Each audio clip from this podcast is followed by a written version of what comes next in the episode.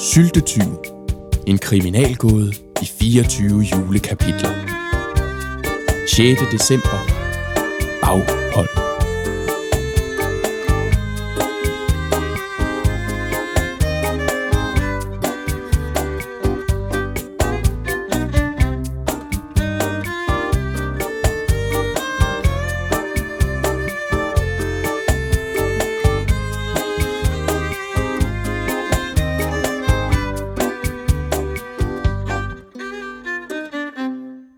Det er den 6. december. Tid for julebag. Tid for velbehag. Og ikke mindst tid for en god fortælling. I går hørte vi, hvordan pastoren efter et grufuldt mareridt vågnede op til en virkelighed, der viste sig mindst lige så barsk, rå og ubarmhjertig som hans onde drømme. Sylten var igen forsvundet. Efter igen at have fået forsikret, at landstrygeren ikke havde noget med sagen at gøre, gik pastoren på værtshus hvor han for første gang i mange år slog sig på flasken. Da nyhederne senere på eftermiddagen spredtes, blev det for meget for slagtermesteren. Han for op, ganske sikker på, at pastorens amnesti til den lasede landstryger var årsagen til de frygtelige hændelser. Hans raseri blev først bremset, da Katrine, der nok forstår sine stamkunder bedre end de forstår sig selv, tilbød en dram på husets regning. Dagens tekst starter midt om natten i præstegårdens mørke. Små, trippende fodtrin kunne imidlertid tyde på, at nogen er oppe. Er det mon syltetyven, der spørger? Åh, oh, det skal blive godt, skatte. Jeg glæder mig. Den formummede lille skikkelse bevæger sig letbenet mod køkkenet, hvor en firbenet silhuet står i vejen. Hey dog. Ruff. Hvad? Hvad jeg bestiller? Ikke noget? Ruff. Altså, det... Øh, de tjekker for sølvfisk. Ruff. Okay, okay, sylterov. Og hvad så? Ruff. Nerverne. Ingolfs. Ruff. Åh, ja ja, så finder jeg på noget andet. Syltetyven piler ud af døren, netop som pastoren entrerer gangen, da prostata, i det han jo er en ældre herre, kræver sin ret. Jamen, Methusalem, du skal da ligge i din kurv nu. Skøre hund, vogter du mod syltetyven? Eller er det måske dig? Nej, i seng med dig. Vi skal tidligt op og gå tur, ved du. Ruff. Nogle timer efter nattens hændelser er Methusalem kommet i snor, og han og pastoren vandrer af byens stille gader. Åh, himmelsk fred, julefred, var Methusalem. Er har ikke skønt på sådan en morgen, hvor alt ligger uberørt hen. Ikke et ord er at høre. Kun den sagte knitron af den nyfaldende sne under min fod. Kun en rusten havelåge, der beder om olie, var. Evig fryd, balsam for sjælen af sådan en morgentur. At nogen overhovedet kan tvivle på vor herres almægtighed, når sådanne morgener eksisterer. Du frostklare luft, du renser min sjæl. I dag skal intet forstyrre os, nej. Og dog, men min sanden, Albert har ikke åbnet bagerbutikken. Tror du, der kan være sket noget? Nej da. Nej, hvem skulle dog være ude efter ham? Den pæne mand. Nej, han har vel bare sovet over sig. Men måske vi alligevel skulle kigge, synes du ikke? Ruff. Ja, ja lad os lige stikke et smut forbi gamle Jakobsen. Bare der nu ikke er sket noget. Pastoren går med hastige skridt hen til bagerbutikken.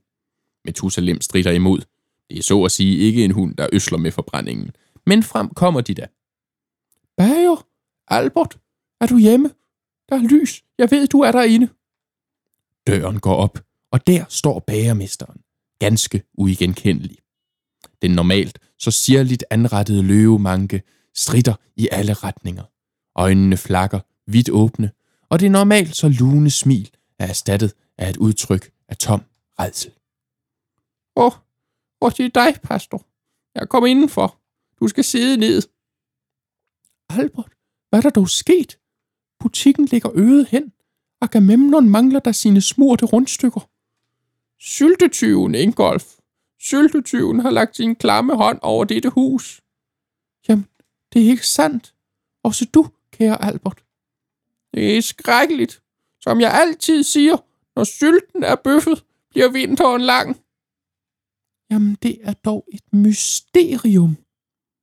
Senere på eftermiddagen sidder de sædvanlige stamgæster samlet til den årlige, traditionsrige 6. december skænk.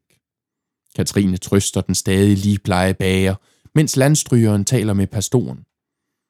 Unge ven, du må virkelig love mig, at du intet har med dette at gøre. Både fordi, at jeg ikke vil kunne huse dig, hvis du er en syltetyv, men også fordi, jeg har begyndt at sætte pris på dit selskab, og nødig vil tro den slags om dig. Ingolf, jeg garanterer, jeg kender ikke til disse syltetyverier. Jeg kan give dig mit æresord. Jeg vil endda sætte alt ind på at fange denne syltetyv, som giver jer så store julekvaler. Ja, tillykke med det. Nu vil han skulle til at lege detektiv. Fy for satan. Maven til hykleri. Maven til dobbeltspil. Praler med sin uskyld. Kaster om sig med hellige intentioner. Alt imens han i nattens ly tiltusker sig vores hårdt optjente forråd af lækker, saftspændt, delikat sylte.